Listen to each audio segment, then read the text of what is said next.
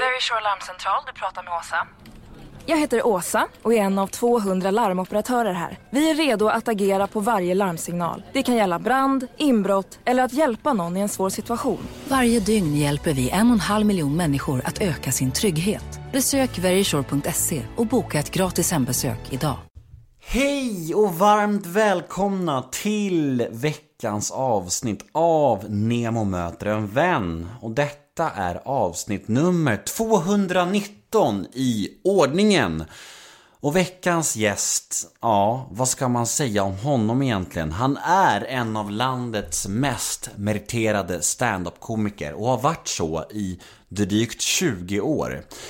Man kan även höra honom varje vardagsmorgon på rockklassiker och sist men inte minst så driver han den fantastiska podcasten Freakshow ihop med Messiah Hallberg. En podcast som ni kan höra här på Radio Play varje vecka. Och det är faktiskt en av få poddar som jag lyssnar på varje vecka. Jag kan rekommendera den varmt. Och det skadar ju inte att jag har fått vara gäst i den två gånger dessutom. Så lyssna gärna på Freakshow, den är grym!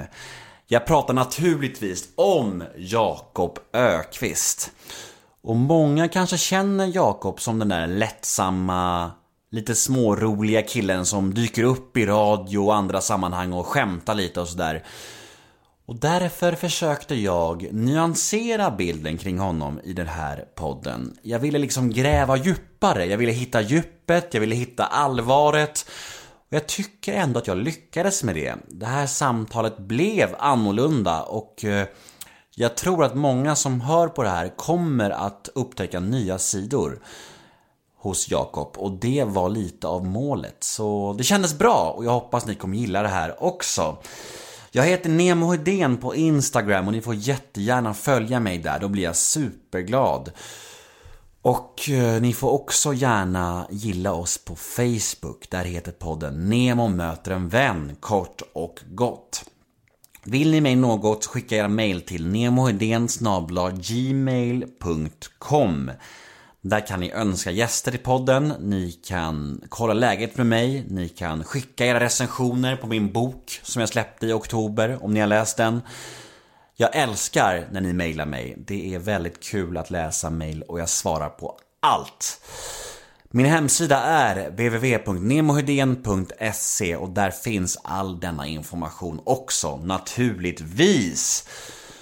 Podden presenteras precis som vanligt av Radioplay och klipps av den fantastiska Daniel Eggemannen Ekberg. Men nu har jag babblat klart. Nu kör vi igång veckans avsnitt av Nemo möter en vän.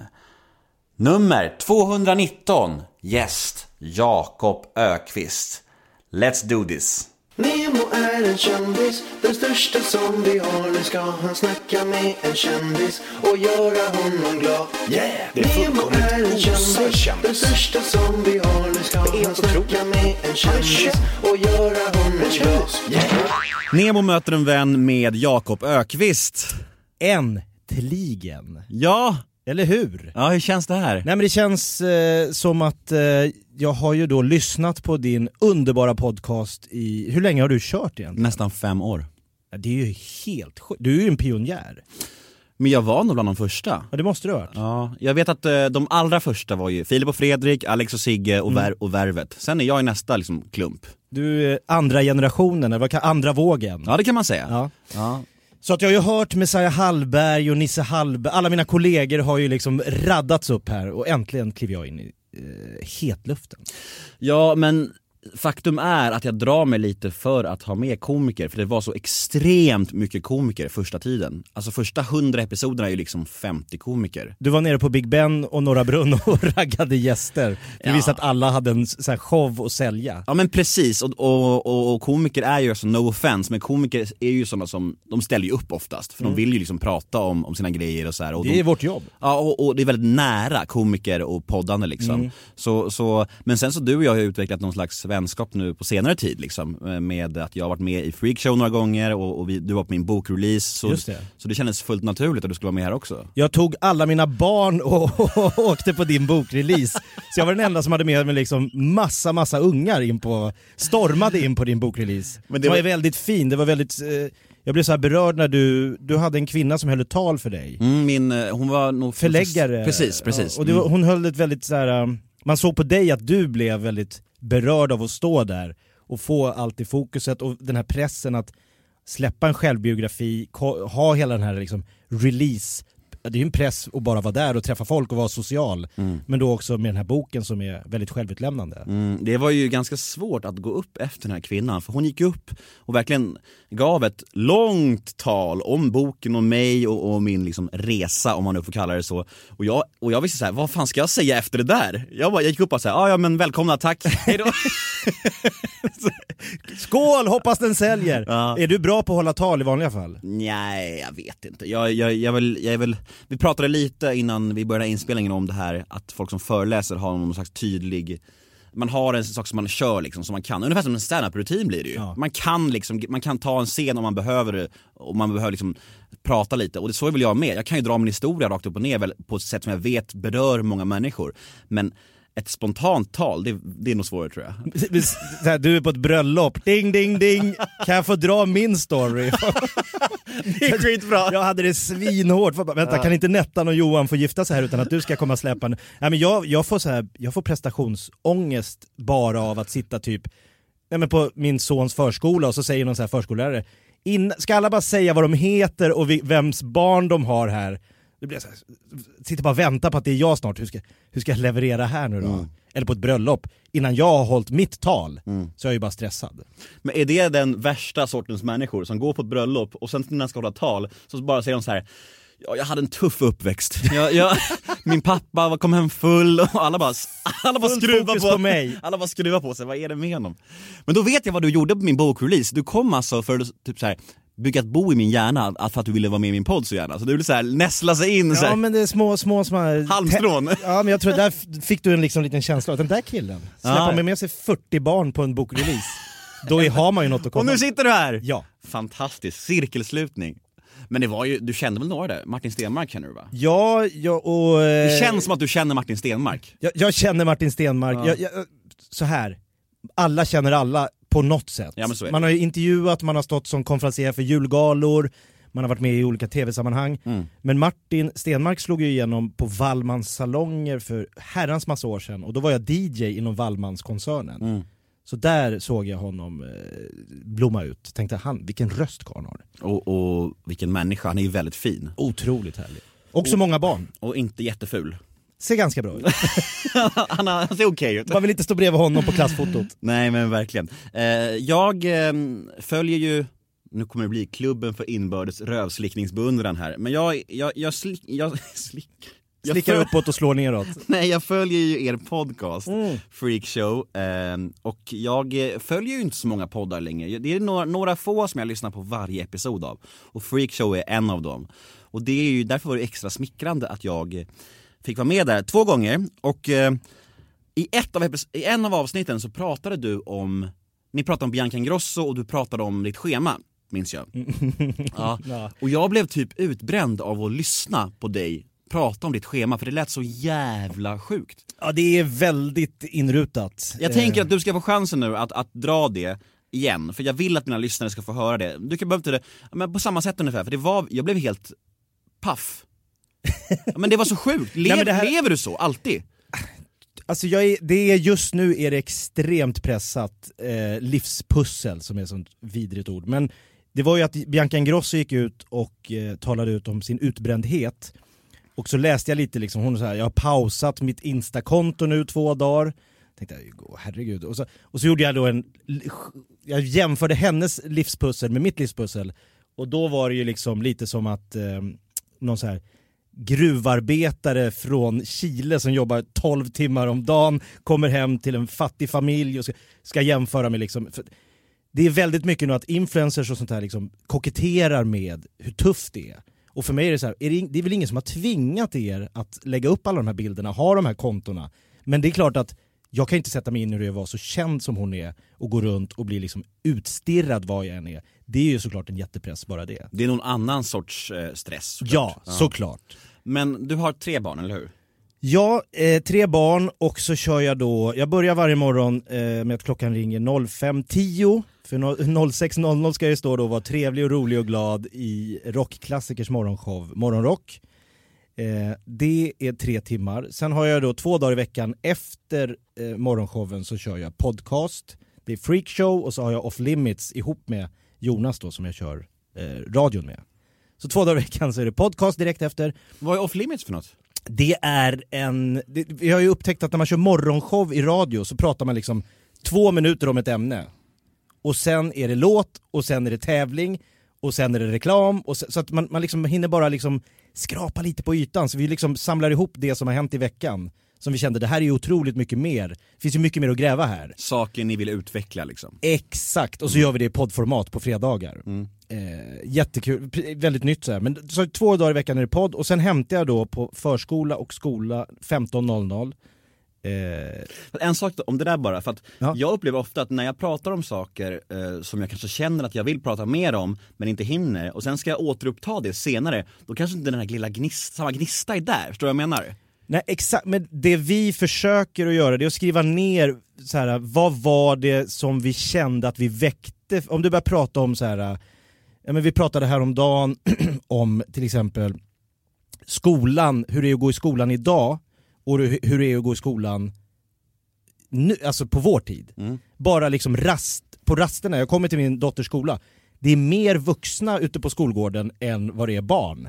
Det är liksom som löne, lönelördag på Ikea, det är så mycket folk. Och de är där med gula västar och de ser till att barnen inte bråkar. Och om det är någon som sitter ensam så ska vuxna komma fram och säga varför sitter du här? Har du ingen att leka med? En otrolig support för barnen. Jag minns ju bara hur man öppnade den där dörren på skolan och sen var det liksom Braveheart, överlev, survival of the fittest. Jag såg inte en lärare någonsin, de var ju i rökrummet och fikade och snackade skit om barnen liksom. Så det var, och men då så här, börjar man prata om det i två minuter och sen spela en låt och sen är det borta, det väcker ju mycket. Så då tar vi det till podden och så, så här, vad var de stora skillnaderna på liksom 80-talets skolgård och skolgården idag? Och vad är bra, vad är, bra, vad är dåligt, vad är söndercurlat, vad är inte söndercurlat? Eh, hur, ja, plus och minus liksom. Så, så gottar vi ner oss i det. Schemat. Schema, jag blir stressad när du pratar om det. Jag ska ju hämta på dagis här snart. Eh, då hämtar jag eh, Douglas och Linnea och Gustav och sen är det hem. Sen har ju de då, i och med att jag har tre barn och alla har minst två aktiviteter. Eh, såna här du vet, det är simning, hur gamla är de? Hur gamla är de? fyra, nio och tolv. Det är ju aktiva åldrar. Det är väldigt så det, är här, Och min fru jobbar heltid, dagtid, så jag har, vi har ju tagit såna här aktiviteter som går att sköta på eftermiddagarna, så att de är gjorda och klara. Så vi kan ses på kvällarna. Ska vi inte ha ett fjärde barn? Så jag skjutsar till allt. Eh, och det är alltså då, i och med att de är tre barn gånger två, det är sex dagar i veckan som jag skjuts, hämtar och lämnar och sitter i olika simhallar, eh, gympahallar, minibounce, tennishall, fotbollsplan och då är det alltid ett barn som gör något och så har jag två barn som jag måste underhålla på sidlinjen så att säga. Så det, och sen hem, laga middag och sen kör jag då stand-up en till två gånger i veckan kvällstid. Så åker jag in då vid 21.00 till Norra Brunn. Så kör man, så är klar vid 11, kommer hem halv 12, hoppar i säng, upp och köra radio. Men om det, du- men om det du är kommer lite hem- tufft just nu. Om du kommer hem halv tolv och, och hoppar i säng, då, då har du ändå den här känslan att du ska upp om liksom fem timmar. För, för mig personligen, när jag känner att jag måste sova så går det ofta så här baklås. Mm. Jag kan typ inte somna om jag känner att jag måste upp om en viss tid. Alltså, så, har du lätt för att somna? Somnar du alltid direkt? Ma- Problemet med stand-up och morgonradio är att stand-up, när du går upp på en scen, dels vet du om redan när du vaknar, du känner när du vaknar att eh, det är någonting som bull, så här, du har någon liten motor som har gått igång och det är att du har börjat förbereda dig för att du ska upp på en scen inför människor du aldrig har sett och få alla att skratta. Så det är liksom som en energi som växer under dagen för liksom crescendot är, du har 45-50 minuter underhållning själv på en scen. Sen efteråt har du ju sånt adrenalinpåslag och du är uppe i någon så här Ja, du, du är uppe i sånt varv, som efter ett träningspass, man är liksom "Ho!" och då är det ju svårt att tvinga sig själv i säng. Hur, Det är gör du, hur gör du då? då? Ja, Jag vet, jag... Jag, har ju, jag, är ju, jag går ju på minuskonto på sömn, så jag har ju sömnbrist alltid. Men dag, dagen efter gi- gig är alltid värst. Ja, när jag vaknar dagen efter så känner jag mig bakis. Mm. Alltså dagen efter, ett, om jag kört på Raw en torsdag kväll och ska upp på fredagen och köra radio, Mm. då är jag ju inte 100% alltså. Jag gjorde lite research om dig och då stod det någonstans, jag vet inte om det var på Flashback kanske? Ja. Är det där? Men det stod någonstans här, jag vet inte om det kanske var någon annan sida, men, men det finns så många likadana som Flashback. Nej men det här att din eh, frus jobb är hemligt. Står det det? Ja, stämmer det? Inte som, jag, jag kanske har fått frågan och sagt nej, det, jag, jag har ingen minne av att jag har påstått att hon har något hemligt jobb. Nej men du kanske undviker det bara? Nej, men hon jobbade tidigare, som, när jag träffade henne var hon flygvärdinna på SAS. Mm. Och sen eh, pluggade hon på Stockholms universitet, för hon, hon, hon gick på SAS eh, som ung, så här 20-25. Mm. Och så såg hon kvinnor i 40-45 som hade jobbat på SAS sen 2025, då sa hon nej. Jag, jag vill inte bli en så här, äldre bit, äldre, jag är själv äldre än de här flygvärdinnorna jag pratar om nu.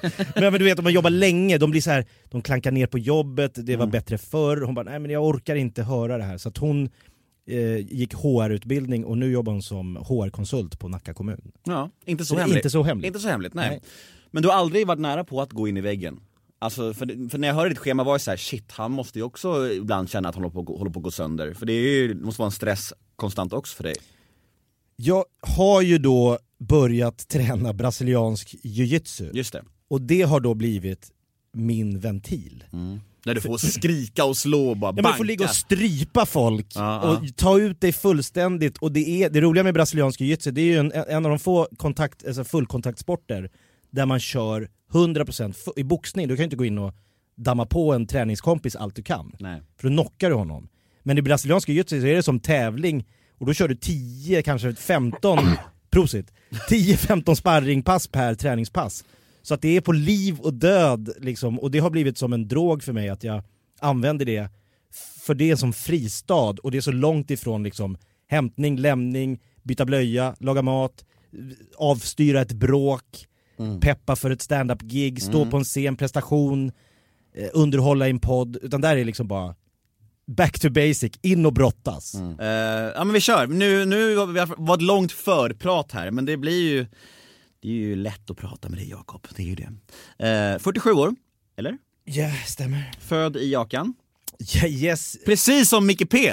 vi bodde faktiskt på samma gård, våra morsor umgicks. Är det sant? Eh, jajamensan. Inga Lill Persbrandt Mm. och Helle Nörgard Mhm. eh, hängde på, det var otroligt mycket ensamstående mammor och invandrarfamiljer på Sångvägen i Jakobsberg. Det var liksom där de hamnade. Så du och Micke Persbrandt bodde grannar, men han är väl åtta år äldre typ, något, något sånt Mm. Så han var ju tonåring när jag var 8-9. Då var han 15-16 och snodde moppar och bilar. Och... mm. Men ni gick inte i samma skola och sånt där? Nej, för grejen var att jag bodde ju hos min farsa på vardagar och gick i skola där. Och så var jag hos morsan på helgerna. Och eh, Persbrandt bodde ju bara hos sin mamma. När separerade dina föräldrar? De gick skilda vägar på ett väldigt, väldigt udda sätt måste jag säga. De skilde sig när jag var fyra år och då gjorde de på följande sätt. Min far, Gunnar, tog mig och min mor, Helle, tog min syrra. Så inte nog med att jag tappade min mor, jag tappade min syster samtidigt. Så, så liksom, vi, de, vi delar så här, en var. Fy fan alltså. Oerhört vad märklig bis- så här bisarrt 70-tals... alltså. Ja. Ja. Så, så här, från att ha varit liksom mamma, pappa, barn, lillasyster så var det jag och farsan. Sophie's choice typ. Märkligt. Ja. Kan du känna att du skulle göra så idag om ni, om ni separerade? Jag väljer ett barn, då tar jag nog det barnet. Vi drar sticka här om... Ja men fy Ja, fan. jättekonstigt. Men alltså, men, men hur eh, tog sig det, alltså hur funkade det sen då? Alltså hade ni någon kontakt sen och träffades ni ändå? Nej, men tro, jag tror ju i och för sig att det var ett, en uppslitande skilsmässa med liksom lite ont blod och då ville de inte ses eh, och ändå ha ett barn. Jag vet inte riktigt, det här, jag har ju inte hört någon annan som har gjort på det här sättet. Nej. De flesta kör ju varannan vecka eller liksom Ofta är det kanske morsan, som, mamman som tar mer ansvar för barnen och så dyker farsan upp som den här härliga helgfarsan som tar med dem på bio och McDonalds. Eh, men här började de så här, så vi bodde kanske ett halvår, ett år och var avskilda men sen märkte de att det här, det här går ju inte, de måste ju få ha tillgång till, alltså det är ju syster och bror, det är ju liksom Så att ehm, då började vi att bo hos pappa på vardagar och hos mamma på helgerna. Mm. Och sen fullföljde det så? Exakt. Du och syrran, har ni alltid varit tajta eller? Ja, vi är ju väldigt jämna, hon är 72 och jag är 71 Mm. så att vi är ju väldigt nära varandra där och nu jobbar ju hon som min agent. Så ringer man Mhm. och ska boka mig för radio och tv standup så pratar man med min biologiska syster så att Förutom om man är en polare som jag som, Som som smyger in i DM på, på Instagram och, på Insta-story, podda? frågetecken. Nej, det var, det var väl ändå, var det Twitter? Kanske Twitter du hittar mig på. Sms var det. Man ska, det där är ju, alltså, hur, hur många forum ska man gå in och leta i Ja. för att veta? Folk kan ju skicka så här, varför kom du inte på min 50-årsfest? Va? Jo men jag skrev ju, jag skickade en inbjudan på events på Facebook. Mm. Ja den är jag sällan inne på kan jag säga. Du kom bara på bokreleaser. Exakt. Ja. Nej men det är nog nästa stora uppfinning tror jag, ett så här samlingskommunikationsverktyg som buntar ihop alla de här DMs, BMs, sms och messenger, liksom, så man ändå kan ha en bättre överblick på det. Jag tror att vi har någonting där. Du, vi har en, alltså nu kommer det här, om, sitter det någon så här uh, Mark Zuckerberg, Mm. 17-åring nu, så har vi en mångmiljon Och tar min liksom idé, eller Ja. vår, och vår idé och kommer bli miljonär. Och vi kan inte hänvisa till att vi sa det i en podd. Nej. Vi kan ju det när det här är släppt. Ah. Men alltså, tänk om det kommer nu om, om ett halvår sen, så kommer den här appen och han blir miljonär på det. Deppigaste ever. Ja men vad fan, tillbaka till barndomen. Ja, skilsmässa, jiho! Ja men eller hur. Eh, vad, vad var Jakan för ställe då? Ehm, det var alltså 80-tals Sverige, det var Domus, det var en, ett centrum, det var... ju- Grejen var så här. i och med att jag bodde hos min far, min pappa på vardagar, så hade jag ju liksom inga naturliga vänner i Jakan, för de lär man ju ofta, alltså du träffar ju dem i skolan. Så jag var ju där på helgerna och kände egentligen ingen. Så att det var mycket gå och skrota i centrum, eh, samla kundvagnar för att dra in lite extra cash, för man fick 10 öre per kundvagn som man pantade på Domus. Eh, lärde mig cykla enhjuling nere i käll- garaget under sångvägen. Kunde man cykla och hålla sig i väggarna där. Eh, man fick liksom bara få, få dagarna att gå liksom. Mhm. Och eh, när du väl började plugget, var du kvar i Jakan då eller flyttade ni då? Nej min pappa bodde i Barkarby som är Mm. liksom en station ifrån, så att, eh, där gick jag i skolan. Jag hänger ju där en hel del nu, det är ju bra outlet där, det är mina hoods. Jag bor i, Det är dina jag bor i Hässelby Ja vet. men då vet du, Barkarby och så pendeltåg på fredagar efter skolan till Jakan, ja visst. och så tillbaks på söndagar. ja. och så skola. Så det, det var ju också lite det här med när folk skiljer sig så tror jag ju idag att man är Normally, being a little extra can be a bit much, but when it comes to healthcare, it pays to be extra. And United Healthcare makes it easy with Health Protector Guard fixed indemnity insurance plans. Underwritten by Golden Rule Insurance Company, they supplement your primary plan, helping you manage out of pocket costs without the usual requirements and restrictions like deductibles and enrollment periods. So when it comes to covering your medical bills, you can feel good about being a little extra. Visit uh1.com to find the Health Protector Guard plan for you. Say hello to a new era of mental health care. Cerebral is here to help you achieve your mental wellness goals with professional therapy and medication management support. 100% online.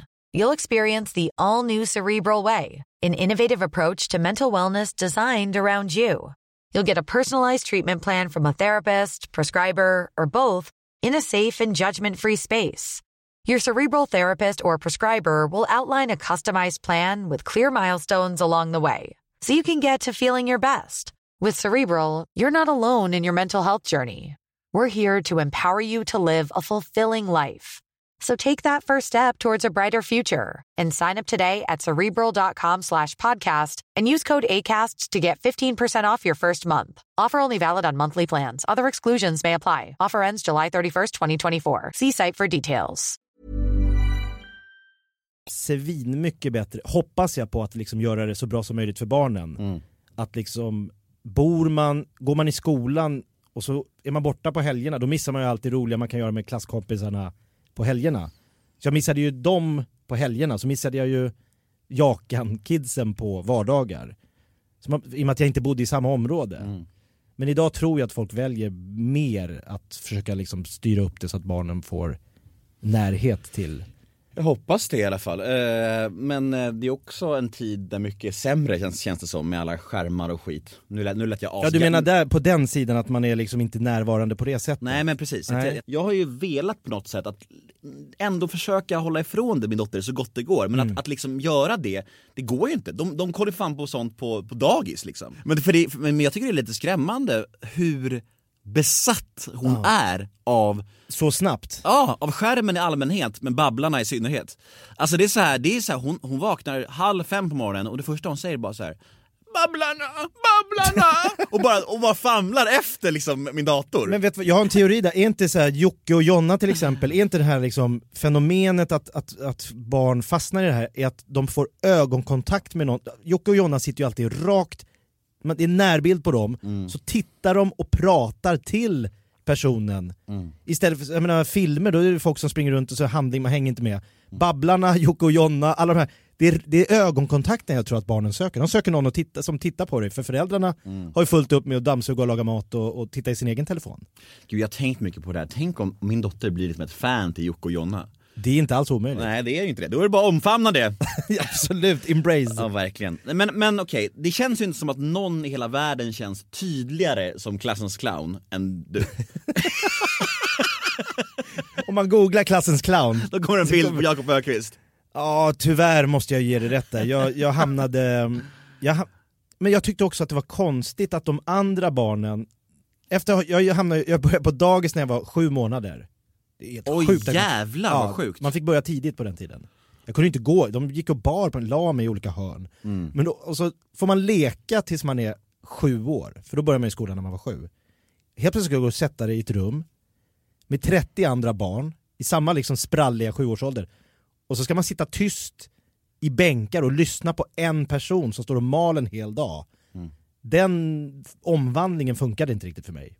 Nej. Utan jag var så här: hur kan jag sabba det här? Mm. Hur kan jag få det här och, och, och hur kan jag få uppmärksamhet och hur kan jag få den här lektionen att bli störd? Så att det vart ju väldigt mycket hamna ute i korridoren och rel- så här, rektorn tog upp liksom med föräldrarna, han måste lära sig hålla tyst, han måste lugna ner sig. Mycket så här specialgrupper. flyttad från syslöjden för att jag fick inte gå kvar där. Jag menar, alltså, du vet, klassiskt, eh, inte, ja, det passade väldigt dåligt med mitt sätt att vara. Hur man lärde sig liksom, på 80-talet i, i svensk skola. Jag kan relatera väldigt mycket och jag tror och hoppas det är bättre för sådana barn idag. Sådana barn som vi var. Jo men jag tror att det finns en större Förstå- variation. Förståelse också. Att så här, det här kanske inte är ett barn som lär sig på det, det här inmatningssättet. Mm. Kanske måste ha annat liksom, att göra. Sen var jag också så här, tyckte jag att mina vän, klasskompisar var ju så här, hycklare för att när det kom en vikarie, då var ju alla som jag. Mm. Då började alla jävlas med läraren.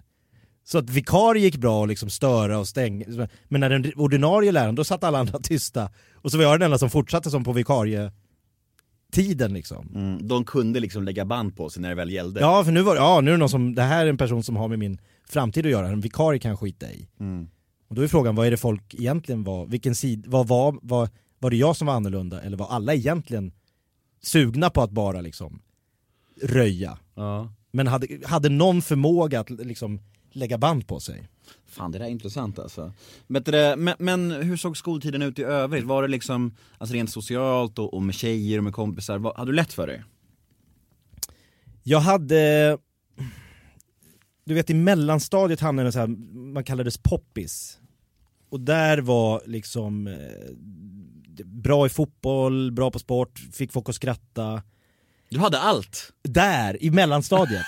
Sen kom ju den här tidig, tidig bloomer. tid, alldeles för tidigt. Din peak var när du var åtta år. I femman var jag som bäst. Sen kom ju då högstadiet och där, det var så, då flytt, bytte vi skola och och skulle liksom gå ihop med de här villakidsen från Skälby. Mm. Och eh, folk började röka och det började sparkas in skåp och det var liksom en helt annan miljö. Och jag var ju otroligt sen in i puberteten. Så att jag kände mig bara, det här är så liksom inte jag.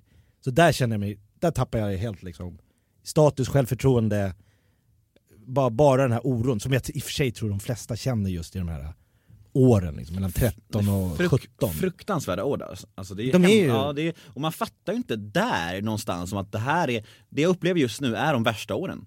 Och det kommer vända, det kommer bli lättare när jag blir äldre men just nu är liksom, det här är piss. För det är ju liksom, det är hela ens verklighet och hela ens vardag och jag minns att i högstadiet, jag var bara så här. Ska det vara så här? Ska man gå runt och känna sig som ett ufo och, och, och inte kunna hitta någon slags sammanhang och bara... Det var också sen i puberteten och det är ju fan, alltså det är ju...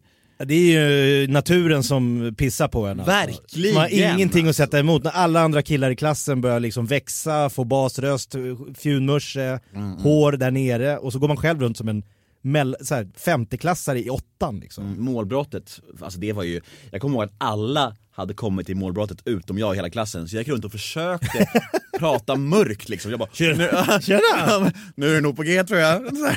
Alla bara, vad håller han på med? Vad är det fan är frågan om liksom? Men det, jag, jag, jag kände mig typ tvungen, det var så pinsamt liksom. Men så försvinner ju också den här, uh, jag hade väldigt mycket fantasi när jag var barn. Alltså jag, jag hade inga problem med att vara själv. Jag kunde gå, i och med att jag var van att vara själv på helgerna, så kunde jag gå ut i skogen och så bara så vecklades det ut en värld där jag bara levde och hade, ing, alltså jag mådde inget dåligt där. Men den fantasivärlden tycker jag krympte när man kom upp i så högstadiet, gymnasiet. Att då var det bara vidrigt att vara själv med sina tankar liksom, och hela det här, den här omvandlingen. Ja men det händer ju så jäkla mycket i kroppen och i skallen där i pu- puberteten liksom. Alltså det är så mycket, man, man, man fattar ju ingenting. V- vad är det här för tankar? Vad är det här för känslor? Då är det asjobbigt att vara med själv med dem ju plötsligt. Och du, ja, exakt, och du förändras fysiskt och det blir också det här, äh, vet jag inte hur mycket det är, det, i skolan, men våldet dyker upp också. När liksom man, man är hela tiden rädd för att åka på stryk, man är rädd för att hamna på en toalett och ner, alltså nior bestämmer över åttor och sjuor. Och när man hamnade i nian, då skulle man vara jävlig mot åttor och sjuor, vilket jag tyckte så här, varför ska jag man skulle trängas i kön, man skulle sparka på dem när de gick förbi. Alltså, det var så här, Så här ofri- vad är det här för värld? Någon så ofrivillig hierarki som man bara sattes i fastän man inte ville vara där. Och det var exakt, ja, man, man blir tvungen typ att vara lite jävlig mot de som är yngre för att typ överleva Det var själv. status. Ja. Det var status att vara den som spottade på folk när de gick förbi eller släppte brickan i matsalen eller eh, drog en roundkick på, alltså det, och det är ju då såklart om du fortfarande är kvar i att du vill leka med pinnar och spela fotboll och, och leka lekar och så hamna där. En sån ofrivillig liksom, värld som du inte passar in i. Men när vände det igen för dig då? När, liksom, när, eh, när hittade du tillbaka till, ja, Nej men jag hamnade ju då i, för högstadiet var ju inte min tid alls. Eh, osäker, otrygg, fick massa finnar också över hela ansiktet, så ut som så här, en salami, så här bölder som växte på ryggen och längs halsen. Det var så hå- man var flottig i håret, man var, var, var ofräsch och tyckte inte om sig själv. Liksom. medicinerade du mot det? Finnarna? Ja. Nej, ja, jag tog såna du vet, Ako, Acne, Ja, det, stift och helt hysteriskt. började sola solarium för Ja, då torkade det ut. Exakt samma här, allt det här är exakt samma. Då syntes de inte lika jävligt. Jag solade så mycket solarium gjorde jag, det var så sjukt, jag bara det är det enda som får mina finnar att synas mindre. Vet att jag både hade Jag hade en solsäng hemma, en solhimmel och årskort på Solhuset. Alltså ett solarium som låg inne i stan vid Sergels torg där jag hade årskort. Jag packade alltså en väska ut till Jakobsberg, åkte in, inte för att träna, inte för att göra, bara för att sola en halvtimme, duscha och åka hem. Ambitiöst. Väldigt ambitiöst. Men jag tyckte också att jag såg mycket fräschare ut när jag började sola. Nej men sen sökte jag och kom in på eh, teaterlinjen på Södra Latin efter nian. Och komma till Södra Latin från Jakobsberg är ju som att komma från liksom krig till någon sån här eh, spaanläggning i, i San Francisco där alla sitter och håller varandra i handen. Det var liksom kärleksfullt, fanns inga bråk, ingen klotter, ingen slack, ingen, ingen liksom, inga som gick runt och förstörde. Det var bara så här väldigt så här humania, humaniora är ju liksom den skolans, eh, folk som kommer dit och pluggar teater, musik, sociologi, eh, filosofi, språk. Det var ju liksom, vad hände här? Vilken jävla lättnad ändå. Det var det. Plus att jag hamnar ju då, i en vanlig skola hamnar du med folk som du råkar bo nära. Nu hamnar du i en skola där du söker av ditt intresse, så du har ju liksom en gemensam nämnare där i teatern. För där har man 15 timmar teater i veckan.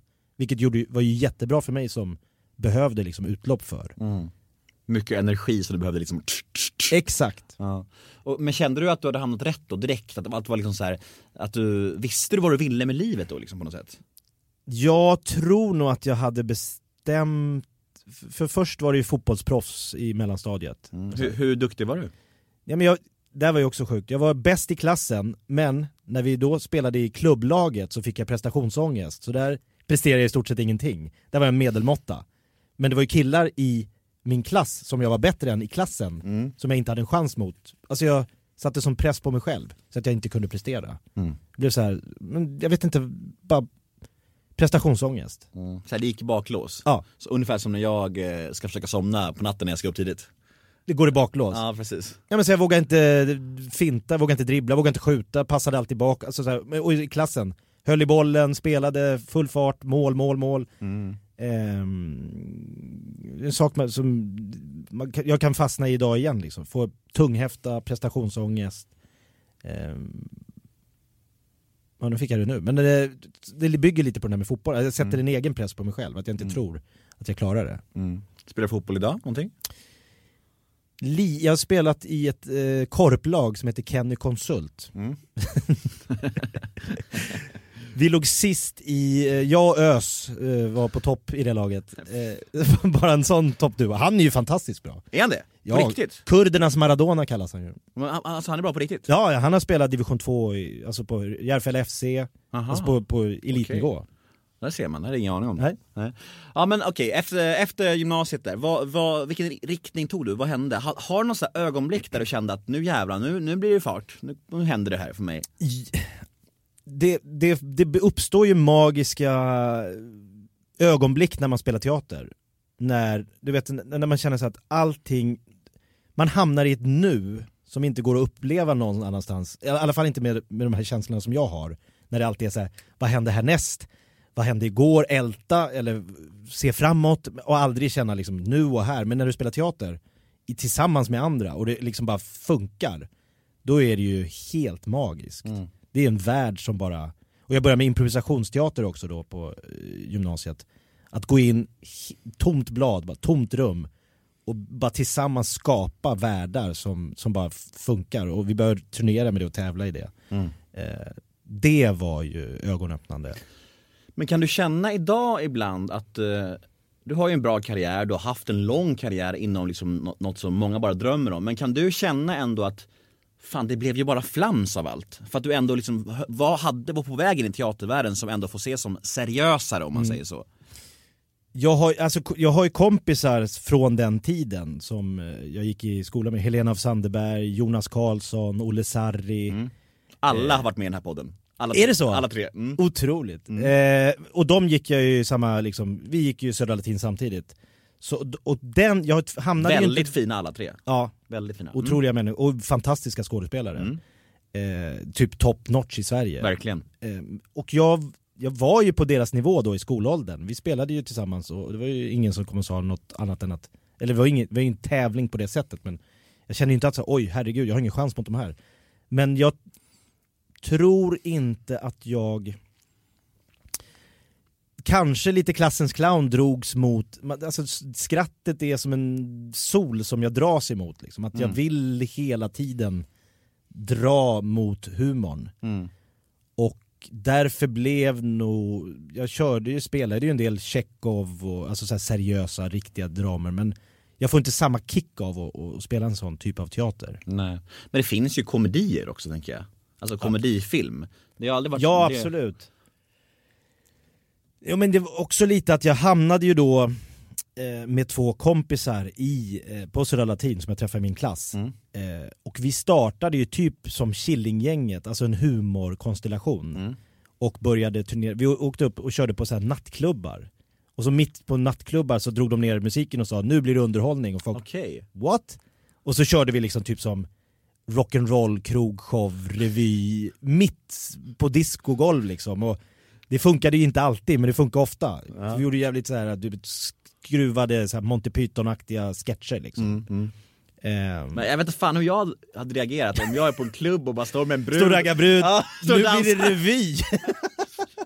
Klockan, klockan är kvart över ett liksom, man är precis på väg att bara gå hem med en vacker kvinna liksom. Ja, vi vart utbuade i Saltsjöbaden, massa så här brats som bara 'Vad är det här? På med Avicii!' Avicii var inte stor då men Nej men det, de tyckte inte det var okej. Jag Men så här, dök upp, vi var med i olika, mm, de hade en stor talangjakt på eh, ett ställe i Sankt Eriksplan där man kunde vinna en, eh, typ som en tv-serie, alltså det var så här riktiga där var vi med och gick till final, vi var nere och träffade Galenskaparna After Shave Mm. Eh, vi skickade in en pilot till SVT, vi höll på att spela i, vi vann någon sån här tävling på ZTV, roligaste humor, bla bla bla, fick åka utomlands. Så det var väldigt, där la vi väldigt mycket kraft på att slå igenom. Och där kände du också att fan det är det här jag ska göra. Ja. Jag ska få folk att skratta. Ja men jag ska, vi ska ta över världen, Mm. vi ska ta över humorvärlden. Det var, hade ingenting med stand-up att göra utan vi var mer inriktade på att göra eh, Sketch- humor, sketch, film. Ja. Du vet, gjorde egna filmer, gjorde egna sitcom- sitcom-aktiga grejer. Mm. Finns, finns det här kvar eller? Grejerna? Alltså vi, gjorde, vi hyrde en eh, restaurang uppe i Dalarna och spelade in typ som en eh, sit, eller typ som en eh, dokumentärhumorserie om en, en restaurang som går åt helvete. Mm. Där jag var en slemmig kypare som, som snattade från folk som, när jag tog emot kunder och hängde in jackor och kappor och så tog jag plånböcker och så gick jag och tog beställning och så hade vi en kock som var full jämt. Och, alltså vi byggde den, den spelade vi in men det här var ju liksom på DV-kameratiden så det ligger liksom på någon DV-CD nu liksom. Vi har ju aldrig redigerat klart det här. Mm. Och hur många år var det mellan det här och liksom tills du kom till standup-scenen? Det här, de här killarna träffade jag ju då eh, när jag var 16 Mm. och stand-upen började ju, då var det så här att vi eh, Den ena av de här killarna, Christian, han fick huvudrollen i Rederiet. Mm. Eh, skulle spela eh, Bert-Åke Weiss, eh, alltså han som hjälpte, unga killen i, Rederiet. Huvudroll, vi var ute och firade det. Eh, Men du visste någonstans att det här är dödsstöten för vårt gäng! Tänkte, nej tvärtom, nu äntligen, en slår igenom så han kan ju Aha. nu liksom dra fram oss gemensamt, för han kommer ju inte bara vilja spela Rederiet, vem tycker det är kul liksom? Men, och den Han andra, tar med oss nu. han, han, han, oss. han kan inte släppa oss nu! Nej. Nej men för vi var så oerhört tajta, vi umgicks dygnet runt, jag bodde hos honom på helgerna, vi sov ihop, vi åkte på semestrar ihop, vi umgicks alltid. Och den andra killen Niklas, ehm, vi var tre killar som träffades på Södra Latin och så fortsatte vi med den här gruppen. Han var lite mer, han hade en egen musikstudio, gjorde egna, egna låtar, eh, hamnade på RMI Bergs, började med reklam, så han gjorde liksom alla våra grafiska affischer och omslag och så här. Eh, men så en... Eh, 1994 så ringer telefonen, för vi, jag och Christian då som hade fått huvudrollen i Rederiet, vi var uppe i Åre på någon sån här äventyrsresa. Du vet, klättra i berg, red på islandshästar, paddla i fors. Eh, så kommer vi hem och jag jobbar dagen efter, jag jobbar som vaktmästare på den tiden på Beckomberga mentalsjukhus. Åkte runt med post till galningar. Mm. Eh, jävligt spännande jobb. Och det, det vill man ju nästan höra mer om. Ja det är spännande, det, är, det var otroligt lärorikt att se människor. Träffade en gammal lärare där bland annat. Aha. "Jaha, jobbar du här nu? Nej. Okej. Det som Inga mer Det frågor. låter som en skräckfilm. Ja, men man, man vet att hon har varit lärare åt en. Så här, men jag hade det, där ton, det där tonfallet, det la till bra. Ja, men jag Där såg kom och- fram, gamla Skådespelare. Där kom det fram, gamla Ja, skådespelare. men man tänkte, ja jag sadlade om och blev liksom mentalskötare men eh, hon hamnade på, Jag fick lite creeps av det där. det är en bra start på en Ja, film. Verkligen. Verk, du här? verkligen. Ja. Då, jag ska jobba på fredag, vi kommer hem på, på torsdagskvällen från Åre. Eh, fredag kväll eh, ska vi ut och festa och jag bara känner jag är helt slut. Vi har varit i Åre en vecka, jag har jobbat en hel dag på Beckis. Jag skiter i att gå ut och det här var alltså, man är 23 år. Jag vet inte, du har festat några gånger i ditt liv. Mm. Ja. Mm. Helger, man skiter inte i att gå ut. Nej. Inte i 20-årsåldern. Nej. Ute jämt. Bodde alltid hos Christian för han hade lägenhet inne i stan. Då ringer min telefon på lördagmorgonen. Eh, en, komp, en god vän ringer till mig jättetidigt. Vem, så här, tidigt lördagmorgon. Hallå? Hej, lever du? Och jag blir så här, förlåt? Lever du? Ja, jag tror det. Jag är lite trött. Ja, för jag, för jag, för jag, Christian har dött. Eh, va? Vad säger du? Christian har dött och det var tydligen en kille till där så jag trodde det var du. Men då är det inte du. Du vet så här, hela världen börjar snurra. Och jag, jag fattar inte vad han säger. Christian, hade, hade jag han har brunnit inne. Christian har brunnit inne. Men jag, och, och det var han och en till, så att vi undrade om det var du. För jag sov ju alltid där i liksom tre års tid varje helg. Jag orkade inte åka ut till eh, Bromma där jag bodde. Så han var helt övertygad om att jag alltid sov där, att det var jag. Så först, jag, vänta, vänta, jag bara så här, jag måste ringa Niklas. Så jag lägger på, ringer Niklas. Niklas flickvän Mia svarar. Hej, jag måste prata med Niklas. Nej men han sover hos Christian. Och då... Så, så jag tror jag... Och hon, varför, varför undrar du vad Niklas är? Han var ute med Christian igår och han, och han sov där. Han ringde mig och sa jag sover här i natt. Då... Och jag bara lägger på och sen så faller jag bara fram. Jag kommer ihåg hur jag fick kramp i hela kroppen, föll och sen låg jag bara, jag vet inte hur många timmar, men jag låg bara liksom i någon form av krampposition och hade liksom hjärnan bara släppte. Så um, där dog ju de och där dog ju en stor del av liksom allt jag hade, vad tanken med mitt liv var. Mm. Redan vid 23 års ålder. Vad händer med en eh, 23-årig man när man är med om en sån sak? Vad händer med dig? Jag tror ju att jag har fått ett, ett, en, någon form av svarta demoner som jag har med mig alltid. Att livet tog slut där på något sätt. I och med att det är en sån oerhört vä- världsomvälvande upplevelse att ens närma, två närmaste vänner som man umgås med alltid och som man har hela sin livs framtid utstakad tillsammans samtidigt. Hade en av dem gått bort så hade ju jag och Christian eller jag och Niklas kunnat sörja den bortgångne tillsammans. Men nu hade jag alla våra minnen, allt vi hade, varit, allt vi hade gjort, allt vi hade varit med om allt det här du vet intern, sättet man är i en grupp, sättet man säger saker, man förstår att vad man, alltså vi, vi hade, det var ju som en förälskelse, vi umgicks ju alltid. Mm. Ehm, och att bara st- att allt stannar samtidigt och Normally, being a little extra can be a bit much, but when it comes to healthcare, it pays to be extra. And United Healthcare makes it easy with Health Protector Guard fixed indemnity insurance plans. Underwritten by Golden Rule Insurance Company, they supplement your primary plan, helping you manage out of pocket costs without the usual requirements and restrictions like deductibles and enrollment periods. So when it comes to covering your medical bills, you can feel good about being a little extra. Visit uh1.com to find the Health Protector Guard plan for you. Say hello to a new era of mental health care. Cerebral is here to help you achieve your mental wellness goals with professional therapy and medication management support. 100% online. You'll experience the all new Cerebral Way, an innovative approach to mental wellness designed around you. You'll get a personalized treatment plan from a therapist, prescriber, or both in a safe and judgment free space. Your Cerebral therapist or prescriber will outline a customized plan with clear milestones along the way so you can get to feeling your best. With Cerebral, you're not alone in your mental health journey. We're here to empower you to live a fulfilling life. So take that first step towards a brighter future and sign up today at cerebral.com slash podcast and use code ACAST to get 15% off your first month. Offer only valid on monthly plans. Other exclusions may apply. Offer ends July 31st, 2024. See site for details.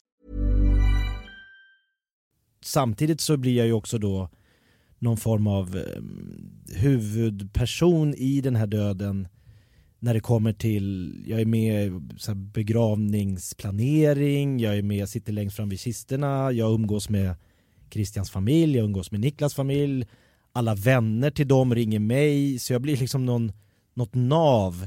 Så det går ju flera år när jag bara är i den här oerhörda tragedin. Mm. Vad var det som hände egentligen?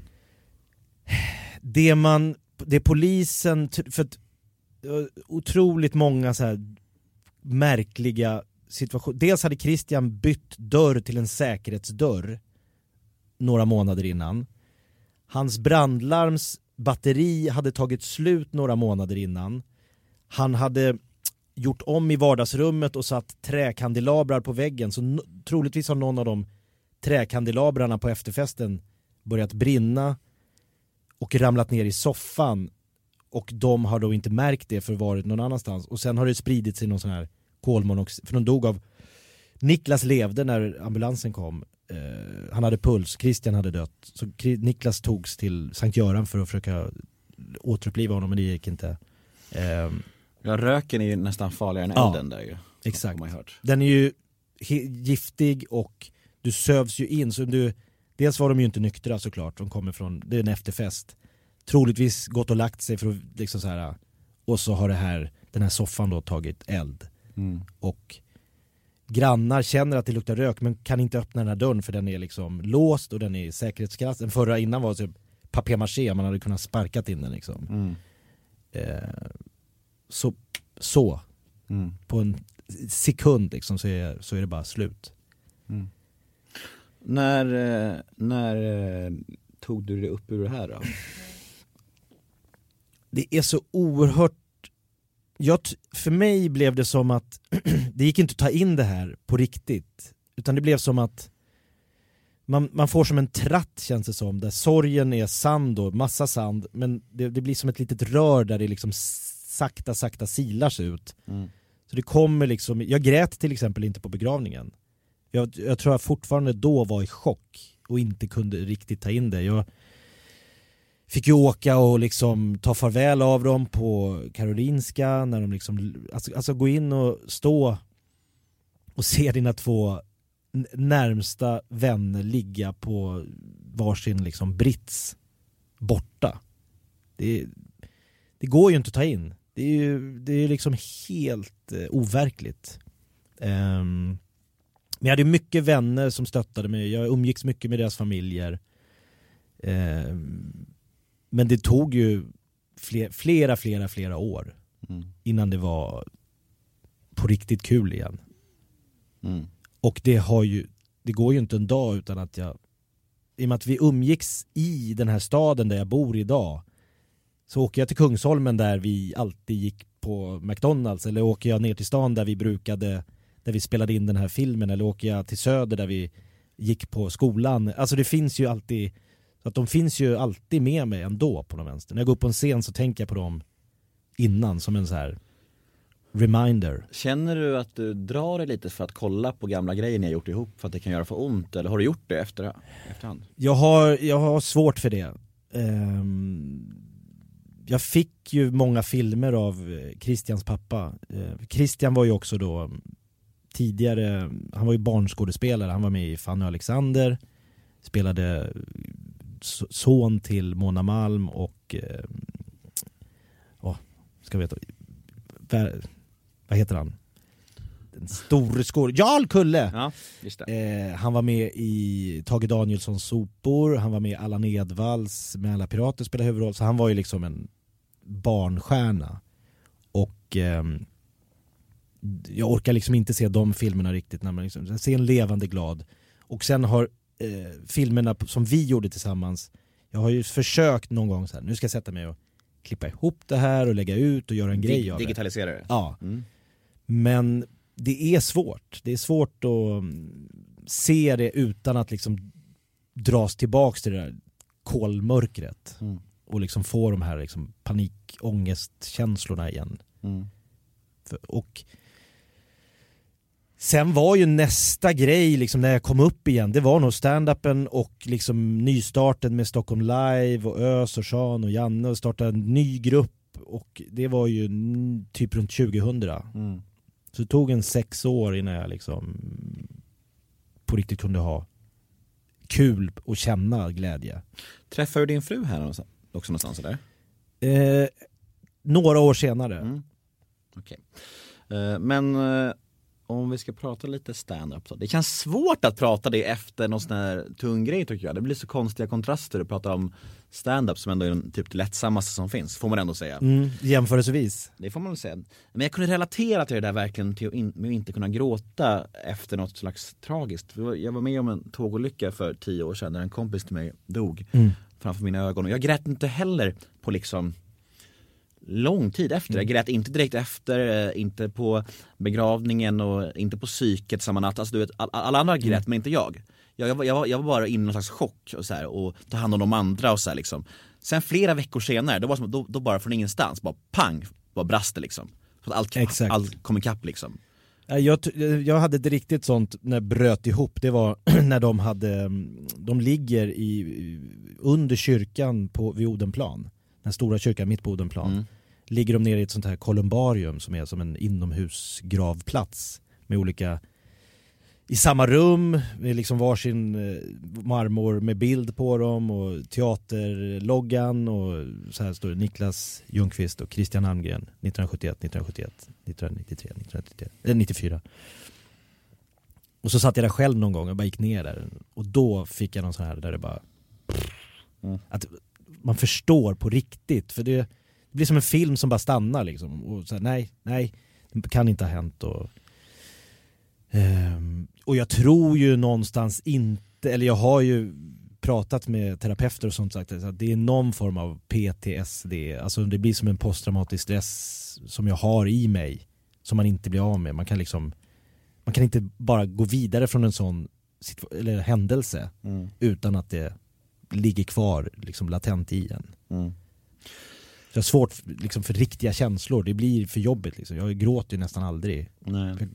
Den känslan vill inte jag dra mig mot liksom. Nej men jag märkte det på dig redan nu, för när du började berätta den här historien satt du ändå liksom nästan och log. Förstår du vad jag menar? Du har ett, ett, ett leende på dig även när du pratar om jobbiga saker, som att du nästan vill tvångsmässigt skämta bort det. Ja. Fast när du pratar om det mest tragiska man kan vara med om liksom. Mm. Eh, Det är speciellt alltså. Eh, Men vi ska ändå försöka ge oss in på lite stand-up då. Yes. Nu, eh, Först reklam. Ja men verkligen. Min proffssäljare Jerry på Woody Bygghandel pratar hela tiden om fönster med aluminiumklädd utsida, olika glastyper beroende på funktion, energiberäkning och U-värden. Han kan verkligen allt. Sväng in till din Woodyhandlare och hitta din egen Jerry, så får du höra mer. Nu har vi på Woody 30% rabatt på utvalda fönster från Elitfönster. Woody Bygghandel. Vi får bygget att snurra. Det är du och jag Jerry. Hej, det är Anders på Euromaster Däck och Fordonsservice. Tänker du ofta på hastighetsklass och våtgrepp och bromssträcka och däckmönster och så vidare? Nej, jag tänkte väl det. Lugn, vi hjälper dig med rätt däck efter just dina behov. Just nu har vi fyllt våra lager med Prima C4-däck från Michelin med överlägsen säkerhet från första till sista milen. Läs mer och kolla in veckans kampanjer på euromaster.se. Välkommen till Euromaster. Jag älskar reklam. Bra. Vill ni göra samarbete med mig, hör av er gärna. Jag vill gärna ha in nya sponsorer i min podd. Det vill man alltid. Det vill man ju alltid. Eh, jo, ehm, hur... ehm, jag tänker så här. du har varit standup-komiker i, hur länge blir det? Sedan, jag skulle, om jag skulle säga att datorn så är det, ja men sen s- 2000. Det är alltså 18 år. Ja det är 18, det är ju också, bara det är sjukt. 19. Hur eh, högt rankar du dig själv?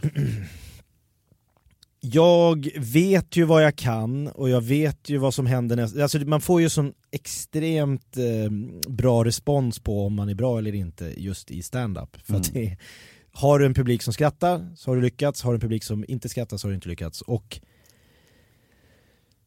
jag har ju, jag har aldrig, jag, jag går upp och levererar och får skratt. Jag är ju kanske då inte en komiker, jag åker ju inte runt på några stora sådana här egna turnéer alla Messiah Hallberg Nu blir han glad.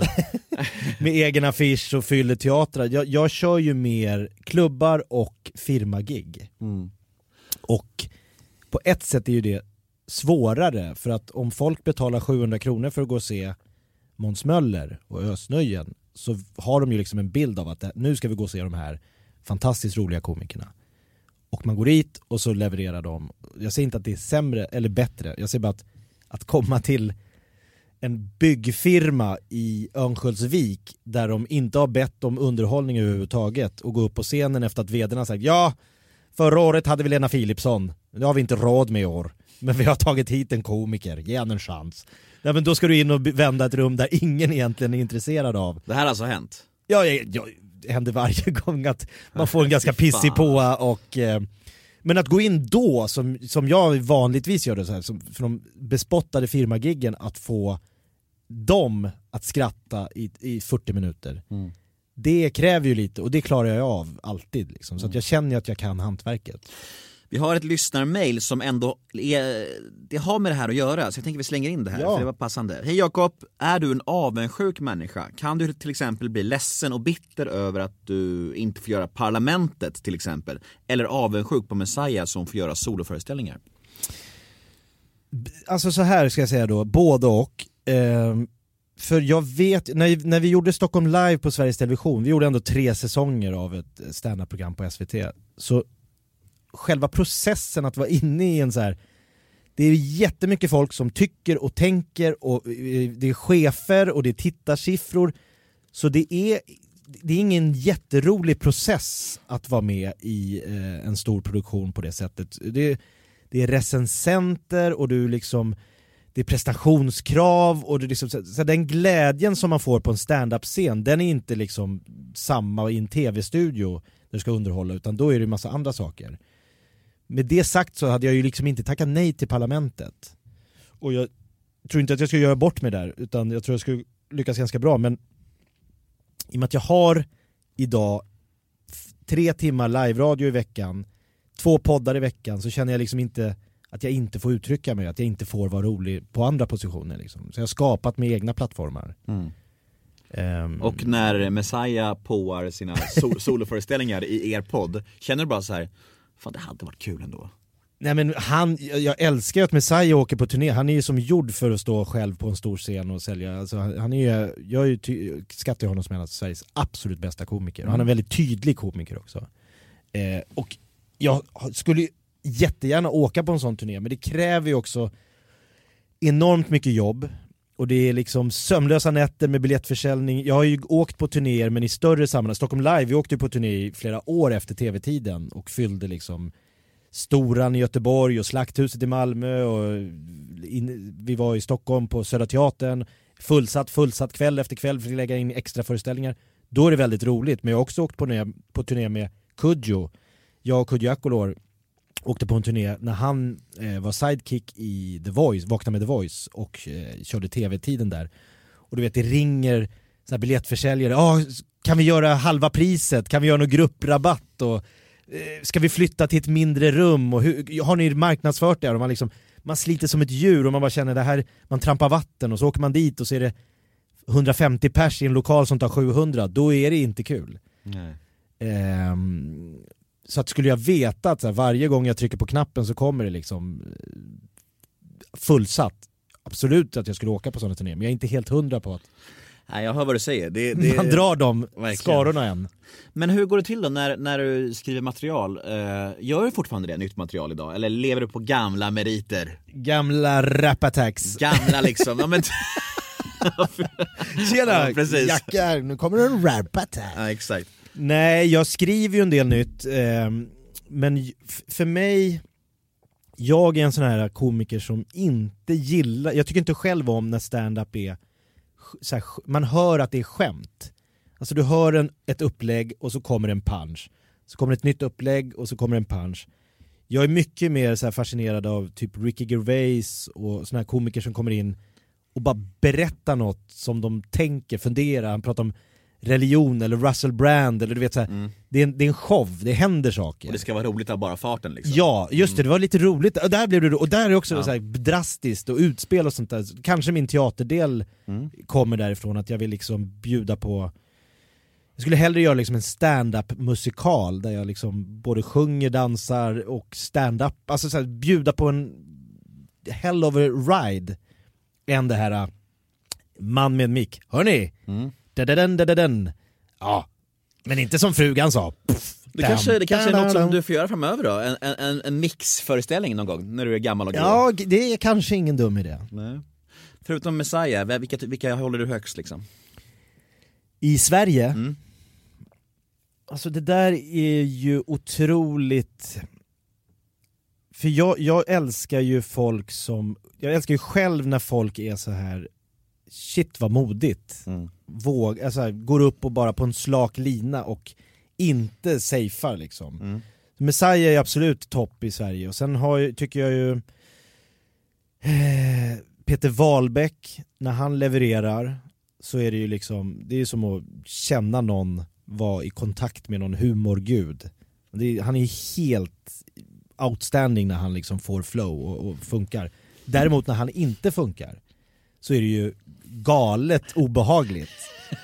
Och då blir man ju som själv, jag är ju så här trygghetsnarkoman, jag vill ju Ja. vara säker på att det ska bli bra varje gång. Så bara, hur fan kan man gå upp och chansa varje gång liksom? Och, och bara se om det funkar? Men han, Kristoffer Appelqvist älskar jag, jag tycker att eh, Måns Möller när han får publikkontakt och bara så freestylar med publik. Alltså det, det är mer att man gillar olika stilar och tittar på eh, vad, alltså, ah, Carl Stanley liksom 22-årig skåning som bara går upp och är hur bra som helst. Marcus Berggren. Mm. Alltså det finns ju hur många skickliga som helst idag. Vi ska snacka lite om freakshow nu. Eh, en rektal termometer. Du, kan dra, du har dragit den tror jag i Ja, våran... jag tror det men jag kommer inte ihåg. En, vad är det ni säger? En rektal termometer upp, Rätt upp i rätt den- Upp, rätt upp i den ändtarmsöppning som är svenskt eh, underhållnings och nöjesindustri. Ja, sen stämmer ju inte det någonstans. Nej, För väldigt sällan vi pratar svensk nöjesindustri. det är inte mycket industri i det ni snackar om.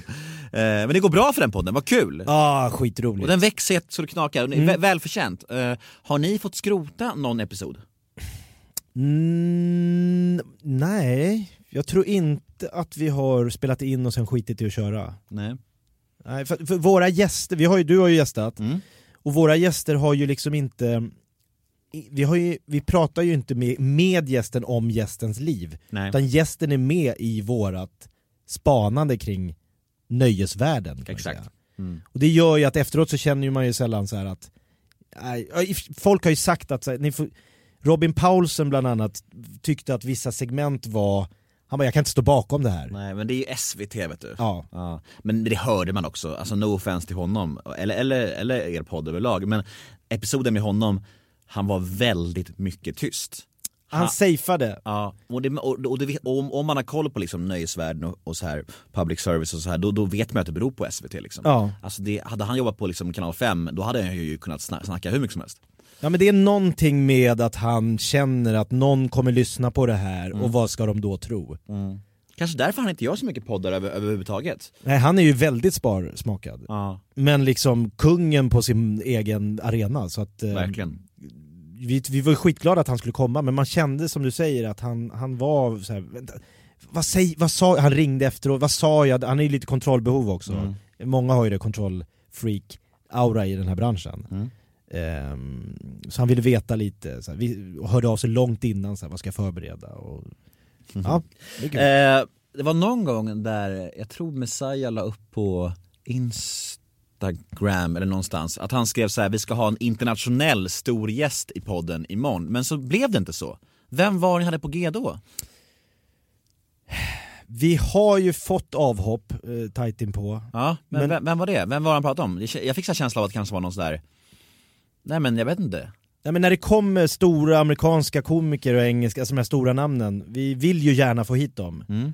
Men jag kommer inte ihåg vem det var som hoppade, eller om det, Det var... gör du visst det. Nej, jag- Säg nu! Jag kommer på riktigt inte ihåg. Ja okej, ja, ja. Men det var en, alltså typ, det var ty, inte Ricky Gervais, men förstår du, det var liksom en något sånt. Bill Burr, någon, någon amerikan som var i stan och sa Hans management såhär, ja men det, han skulle kunna tänka sig att vara med oss er. Ja. Sen sket det sig för han var bakfull. typ. Classic. Ja.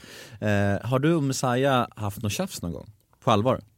Ni har så här lämnat rummet oense om någonting och bara varit dålig stämning sen? Mm, Nej, men vi är ju väldigt olika som personer. Vi är extremt olika.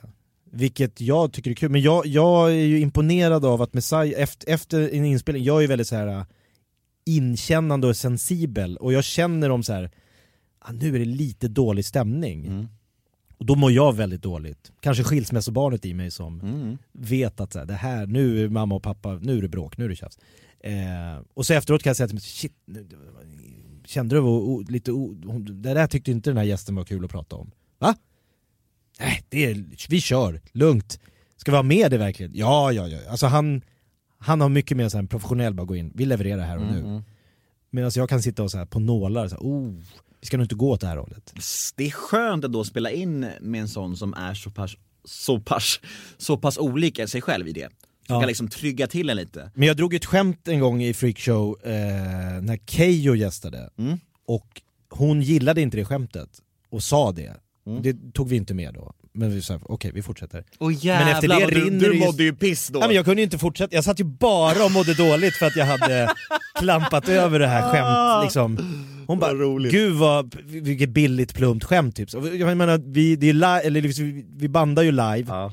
och det är här och nu, Och skämt, det finns inget skrivet. Kommer du ihåg skämtet? Ja. Kan du säga det? Men vad fan ska hon göra? Det är en annan podd. Nej, absolut hon kommer inte göra något, men det var så här. vi pratade om nätdating. Mm. Och hon har ju rysk bakgrund. Mm. Och jag tror jag, för hon sa, jag, vad ska jag lägga ut mig på för nät... Jag är, hon är, du vet kändisar Mm. som hamnar på Tinder, blir väldigt udda. Så här. Aron Flam fanns ju på Tinder. Jag tänkte folk blir livrädda att se Aron Flam på Tinder. Mm. Och då sa hon, så att, hur ska jag dejta på nätet? Så här. Och då sa jag något lågt, Mm. men dock det första som kom upp. Men så här Russian wives for rent eller något sånt där. Fan. Och till och med du direkt känner att det där var inte bra. Alltså jag, jag, jag Du rodnar nu och Ja, mina när, jag, när jag tänker på hennes reaktion, är det... Ja men för hon då så här tittade på mig på allvar så här, du vet det blir som ett hack i en LP Ja, shit. Bara, Fy fan vad billigt. Ja. Och, och Messiah så här, försöker liksom rädda.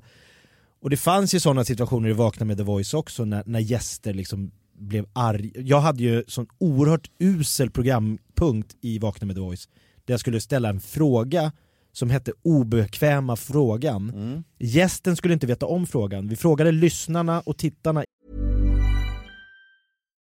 Botox Cosmetic, botulinum toxin A, FDA approved for over 20 years. So, talk to your specialist to see if Botox Cosmetic is right for you. For full prescribing information, including boxed warning, visit BotoxCosmetic.com or call 877-351-0300. Remember to ask for Botox Cosmetic by name. To see for yourself and learn more, visit BotoxCosmetic.com. That's BotoxCosmetic.com. innan. Vad ska Jakob fråga? Och det är till exempel Martina Haag skulle jag fråga på slutet då när du har aldrig tänkt på en ansiktslyftning? Oh. Och då ska så här, tvinga, så här, och alla ska så här, vi ska hålla kvar folk så här. det är bara så här reklamradiotrick liksom. När ställer han den frågan? Många frågor från den grejen som inte riktigt skulle hålla idag va? Exakt, och, det, och så här, jag har ju bara står och väntar på, få, när ska jag klämma in den här skitfrågan som bara kanske får hela studion att vända till en dålig Så stämning. du fick alltid också bära den liksom grejen? Ja och Martin brukar ofta säga ja Jakob, sen hade du en liten fråga här på slutet. Fan vad elakt ändå! Och då var den så här, den skulle vara obekväm. Otacksamt att ha den, den ro- rollen liksom. Som jag är också. Verkligen. Eh, Men vad lyssnar du själv på för poddar? Är du en poddare? Jag lyssnar på jättemycket poddar. Mm.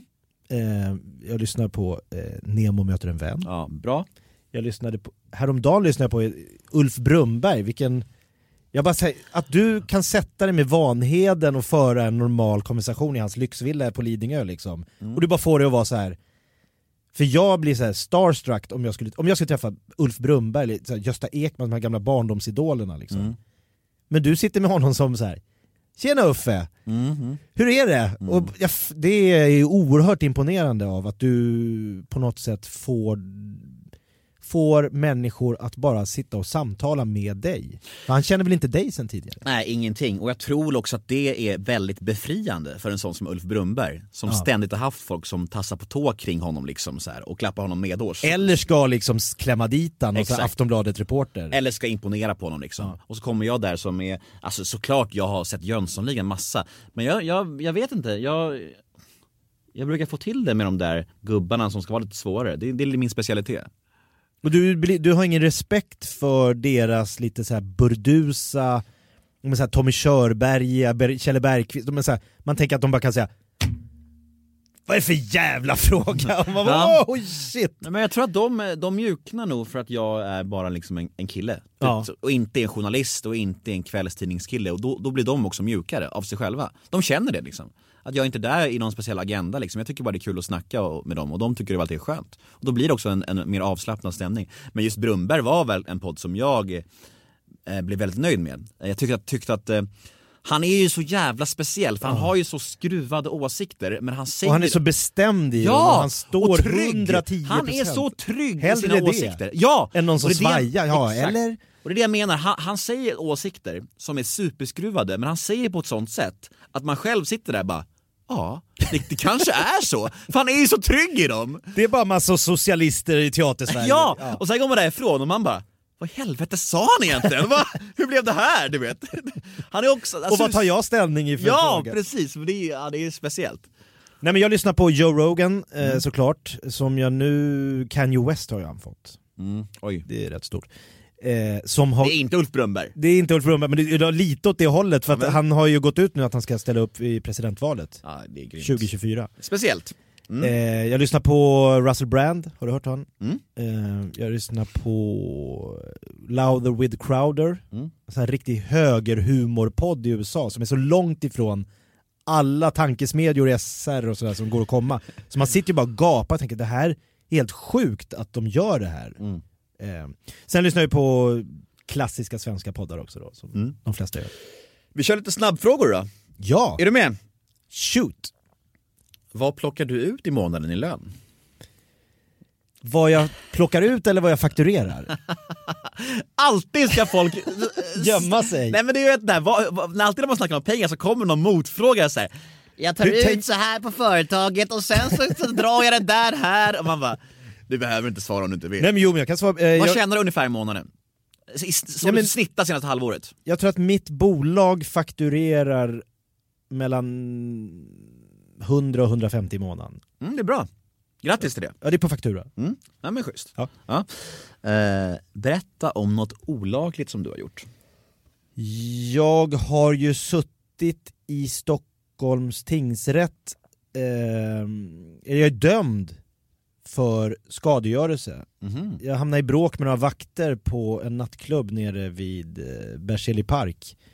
De puttade min polare så att han for i backen och då svarade jag med att sparka in deras entrédörr. Mm. Det var inte så smart. Nej. Och så sprang jag därifrån och så var det några vakter på en annan nattklubb som fick ett rop om att vi har en kille som, så de fick tag i mig och sen, ja det gick till rättegång.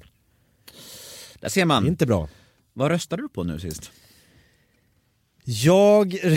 Oj, nu blev du obekväm här. Ja men för, vet du varför? För att folk får så oerhört förutfattade meningar. Mm. I det här polariserade samhället vi lever i idag, så är det så att om du säger en sak så tror folk att då har den här personen alla de här åsikterna och är den här typen av människa. Mm. Vilket jag inte köper alls. Jag ska säga att jag tycker att det viktigaste egentligen i ett politiskt system som vi har idag, det är att makten pendlar och skiftar. Mm. För att det blir nämligen så att idag, om du sitter för länge med makt så blir du korrumperad. Mm. Och det är sämre för ett samhälle, tror jag. Trots att jag kommer från en knallröd uppväxt med liksom en SKP-farsa, jag är uppvuxen i demonstrationståg. Jag har suttit liksom med Lenin och Stalin och Marx på väggarna under hela min barndom. Så har jag ändå förstått att det finns inte en lösning på samhällsproblemen idag, utan det är värre att liksom ett parti sitter och blir liksom maktfullkomligt, oavsett om det är moderater i Nacka eller sossar i Vallentuna eller whatever. Eller, så jag, för mig är det viktigare att det liksom skiftar så mycket som möjligt så att det liksom får vara, så du får flytta in friskt blod. Så jag, jag har typ röstat på i stort sett allt, utom SD. Det var faktiskt min spaning, att du, du kom från rött men idag röstar du blått. Ja, kan, åt det hållet. Ja, du har gjort en klassresa! Aj, aj. Grattis Jakob! Det ska inte finnas några klasser enligt farsan. Ja, nej, jag förstår. Eh, Moderaterna. Eh, vad slösar du pengar på?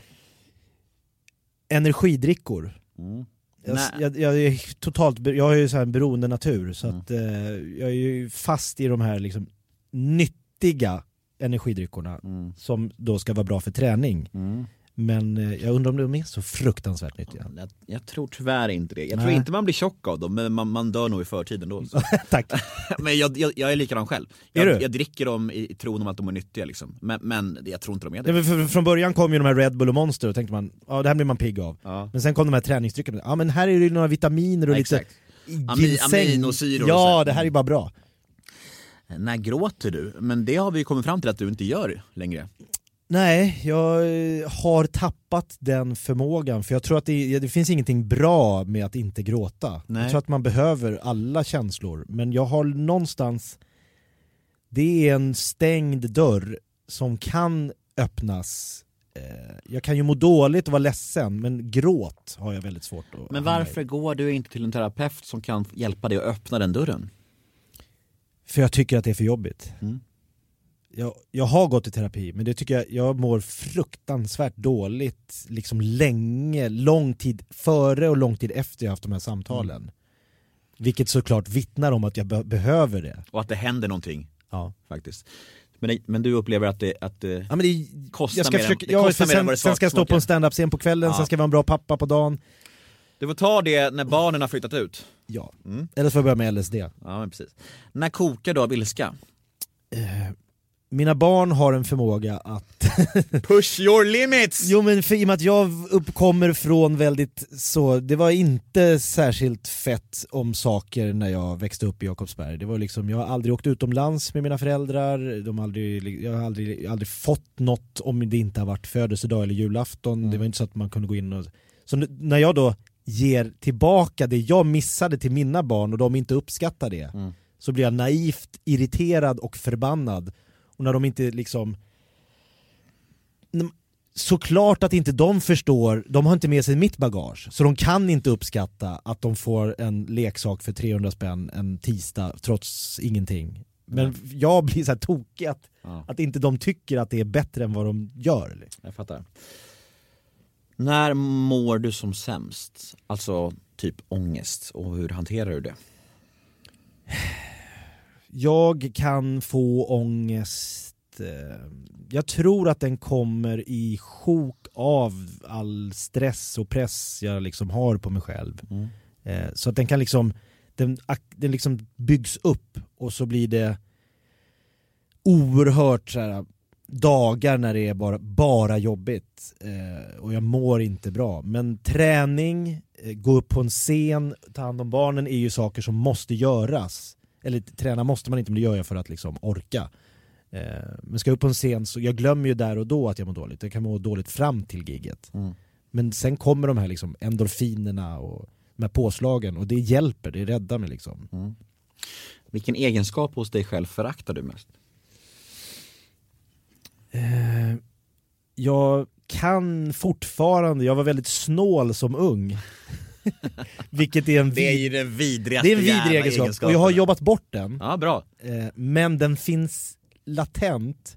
Så jag kan liksom gilla, eller jag kan liksom hamna i situationer när jag så här, försöker igen dra nytta av att till exempel då inte komma ihåg att betala in på en gemensam present. Mm. Men så får jag liksom så här, ja, men det här är ju hemskt. Ja. Jag hatar ju sådana människor. Verkligen. Eller som inte bjuder på tredje rundan. Så. Mm.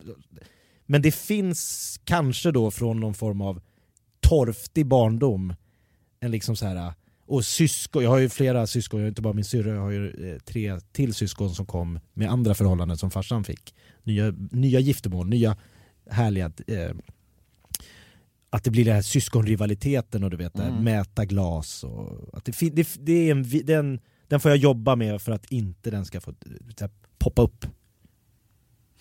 Vad har du för relation till alkohol? Eh, om jag skulle skriva på Facebook så är det It's complicated. Mhm. Där, därför att det finns ju många fallgropar i att vara dels beroende natur, Mm. som jag kan fastna i liksom, typ, jag var Lypsylberoende i unga år. Mm. Jag kunde typ hoppa av bussen när jag skulle till skolan men jag glömt Lypsylen och springa hem, komma för sent. Alltså såhär manisk. Och jag, kan, jag har liksom genom åren fastnat för vissa saker, så det finns någon form av beroende gen. Eh, Jag jobbar i en bransch där alkohol alltid finns närvarande. Alltså när du står uppar så är du ju på en krog eller på en fest och du har gjort en prestation och du kliver av och det finns eh, all, alltid någon som säger nu tar vi en öl, bra Mm, jobbat, mm, skål, var du än är liksom. Så där är också en varning. Ehm, och jag har, eh, det är ju liksom också väldigt lätt att ta den liksom lätta vägen att gå ner i varv. Mm. Många komiker tror jag liksom så här, två glas vin efter gigget för att liksom landa. Mm. Så de parametrarna, att liksom vara i en bransch som är väldigt här, förlåtande och det är liksom väldigt lätt att komma åt, en beroende nerv i, i, i, liksom, i kropp, i, i min biologi, eh, alkoholproblematik bakåt i släkten. Mm. Så jag måste liksom vara på min vakt.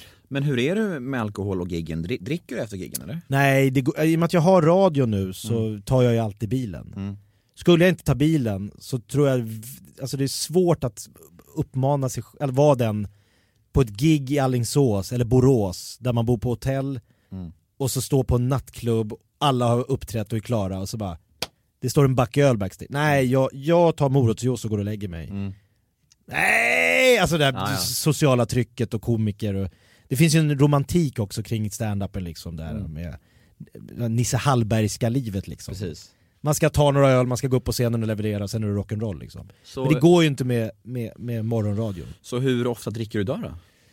Nej men från att inte dricka alls i vissa veckor till kanske två gånger i veckan. Okej, vi har ett segment som heter ett ord om. Jösses. Ja, där jag säger fem stycken svenska kändisar och du ska säga det första ordet som kommer upp i ditt huvud när du hör namnet. Är du med? Nu ska jag blunda. Ett, gör det. Ett ord om Alex Schulman.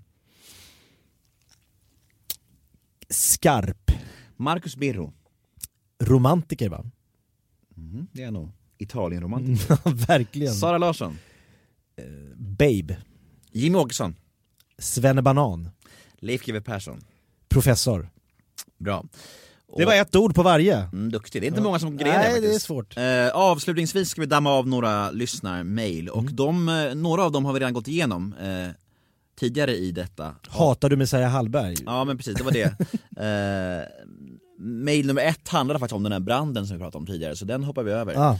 Eh, mail nummer två. Hej Jakob! Du ser ju väldigt bra ut och känns väldigt mån om ditt yttre. Hur tänker du kring skönhetsingrepp? Har du gjort några? Vad i sådana fall? Underbar. Eh, så här är det, jag gjorde när jag var i mellan 20 och 30 så hade jag en, den enorma turen att börja tappa hår. Mhm. Det är inte kul när man är runt 25 Nej. att börja tappa hår. Så då åkte jag faktiskt till en eh, sån skönhetsklinik och gjorde en transplantation. Mm. Dyrt? Väldigt dyrt. Vad kostar det? 40 000. Ja. Ehm, så, men det blev inte så svinbra, det blev bra då. Mm. För det var, man började synas i tv, man störde ihjäl sig på flikar och liksom att det kröp uppåt. Ehm, Så den var klar med, och sen nu när jag började bli äldre så kände jag att då började liksom det, det hår som de hade satt, fram, satt dit, det var kvar, Mm. men det som var runt omkring började Ah. försvinna. Så det, då- i och med att jag kommer upp, det här var i 20-årsåldern, nu är man i 40-årsåldern. Mm. Så jag tänkte så här, jag skiter i det här, jag bara rakar mig. För jag menar, idag, då, när man var 25 vill man inte gå med rakat huvud, det här var skinheads-tid, Mm. man bara kände så här, absolut inte. Men idag är ju liksom varannan snubbe liksom rakad och det är mode. Så jag testade det, rakade av mig rubbet i somras. Dagen efter jag har rakat av mig rubbet så ringer det en kvinna och frågar om jag vill få, få en transplantation. För jag tänkte, Mhm. jag, jag tänker inte göra det där igen. Och bara va? Så jag har precis rakat allt mitt hår och Ring- bestämt mig ringer att en dag för sent. Jag orkar inte, men då var det nämligen så att då ska man vara rakad. Okej. Mm. För det här är en annan, mycket modernare version där man liksom bara går in med en liten, liten, liten sån här, kan man säga, som en pincettborr och bara Mm, mm. en i taget, pop, pop, pop, pop, pop. Mm. så tar en hel dag. Och så bjöd de på det mot att jag la upp något på Instagram eller så här. Mm. Eh, och jag hade ju bestämt mig för att skita i det här, inte orka. Nu, nu, or, nu får jag bara bjuda på att jag... Så nu är, eh, gjorde jag den i somras. Mm. Så nu är håret tillbaks. Ja, jag ser det. Ja, Aha. helt sjukt. Ja, men wow, alltså att det funkar, det är ju häftigt. Ja det är ju, det är ju helt absurt. Ja, det är det också. Att det är abs- absurt. Och, och, du är ju en väldigt hårfager man, Ja, tack. och visst bryr man sig väldigt mycket om sitt hår? Det är Jag- det man har som kille att jobba med. Ja, jo men så är det. Sen så tänker man ofta så här: ska jag snagga mig? Men då tänker man, tänker man, det är så många män som verkligen vill ha hår. Så vad fan, det är, man, ska, nog- man ska nog ha hår så länge man kan tänker jag också. Exakt. Så är det nog. Eh, men du är ganska fåfäng i övrigt, det, det, det, det är du ju. Det är du och jag. Ja. Jag över på dig. Ja, men, du känns fåfäng, det här handlar om dig! Ja, tack. Det här är intervju med dig, Ja, men jag kan mig. vara lite fåfäng. Ja, precis, jag förstår. Eh, Hej Jakob, stämmer att du fick stryk i Rom en gång? Mm. yes! Varför skrattar du för? Ja men för att det mm, är så, mm, det var så dumt. Eh, man ska inte gå runt och kaxa med italienska fotbollsfans och skrika Zlatan is king eh, när man är i Rom och, Ro- och, och Zlatan spelade i en, inte i Roma. Han spelar ju då i Juventus. Just det. Så jag liksom började kaxa med, eller jag pratar med folk när jag är utomlands. Jag tycker det är väldigt roligt och när man är i Italien kan man prata fotboll. Så drar man bara alla fotbollsspelare som har spelat i Italien. Pratar med taxichaufförer, pratar med liksom så här. Mm. Och de bara älskar att prata om Glenn Strömberg, Str Ja, ja. Strömberg, Grum, Glenn, yes yes yes och så bla bla bla. Men så var det fel gäng och ehm, fel tid, fel eh, sätt att vara. Mm. Så då fick jag eh, duktigt med stryk. Mhm. Hur mycket? Ja, men jag såg inte klok alltså jag fick rejäla käftsmällar och någon spark liksom. Oh, men sen stack jag. Ja. Eh, Jag bara kände att aj, det här, är, här finns det inget kvar och här kan jag inte skämta mig ur. Ja, läskigt. Sista mejlet. Berätta om ditt starkaste minne från vakna-tiden. Någon vidrig kändis eller bara någon helt sjuk grej som hände? Vidrigt var ju de där frågorna som jag skulle ställa såklart i och med att jag gillar inte socialt obekväma Nej. situationer. Men det, men eh, att träffa 50 Cent Mm, eh, och krama honom och han är bara svintrevlig. Det var ju, alltså så här, det blir så här sjukt att träffa, det, men nu, om du träffar Eminem Mm. och stå och babbla liksom med en sån snubbe och ta massa bilder och otroligt stort såklart. Sen är det ju så att eh, man blir förvånad över, det är ju lite freakshows agenda är ju att driva med den här kändiskulten. Mhm. Och att se liksom folk vilja bli behandlade som Beyoncé fast de har varit med i Idol och komma med liksom 15 pers runt. Man så här, snälla, snälla, du är inte viktigast på jorden. Kom Nej. ner lite, i vad- en dag kanske inte stjärnorna lyser på dig. Då kan du inte gå runt och vara dryg och otrevlig och liksom behandla assistenter som skit. Och jag jag, jag Och då är ju- fascinerar ihjäl mig. Och då är 50 Cent andra sidan av spektrat liksom. Han kommer och bara är världens skönaste snubbe liksom. Mm. Och eh, bara, vad vill ni göra? Jag är, jag är här för er skull liksom. Fan vad Okej. grymt. Det, är jätte, det glädjer mig att höra. Firi! Feri, han är väldigt kul på Instagram, bör tilläggas. Ja, absolut. Vi borde, följ 50 Cent på Instagram. Och vill ni följa Jakob Ökvist på Instagram så heter han Jakob Ökvist med O. Ja. Och jag heter Nemo Hedén på Instagram och jag vill tacka dig för den här, det här var ju härligt. Underbart. Mm, är du nöjd? Ja, Mm. det, det var ehm, otroligt, ehm, alltså väldigt stor skillnad från freakshow. Måste man säga. Ja, det, det, det är syftet. det, är ett bra syfte du har. ja, men vad bra. Tack så mycket för att du vill vara med eh, och eh, puss och kram så hörs vi snart igen. Hej då! Hej då!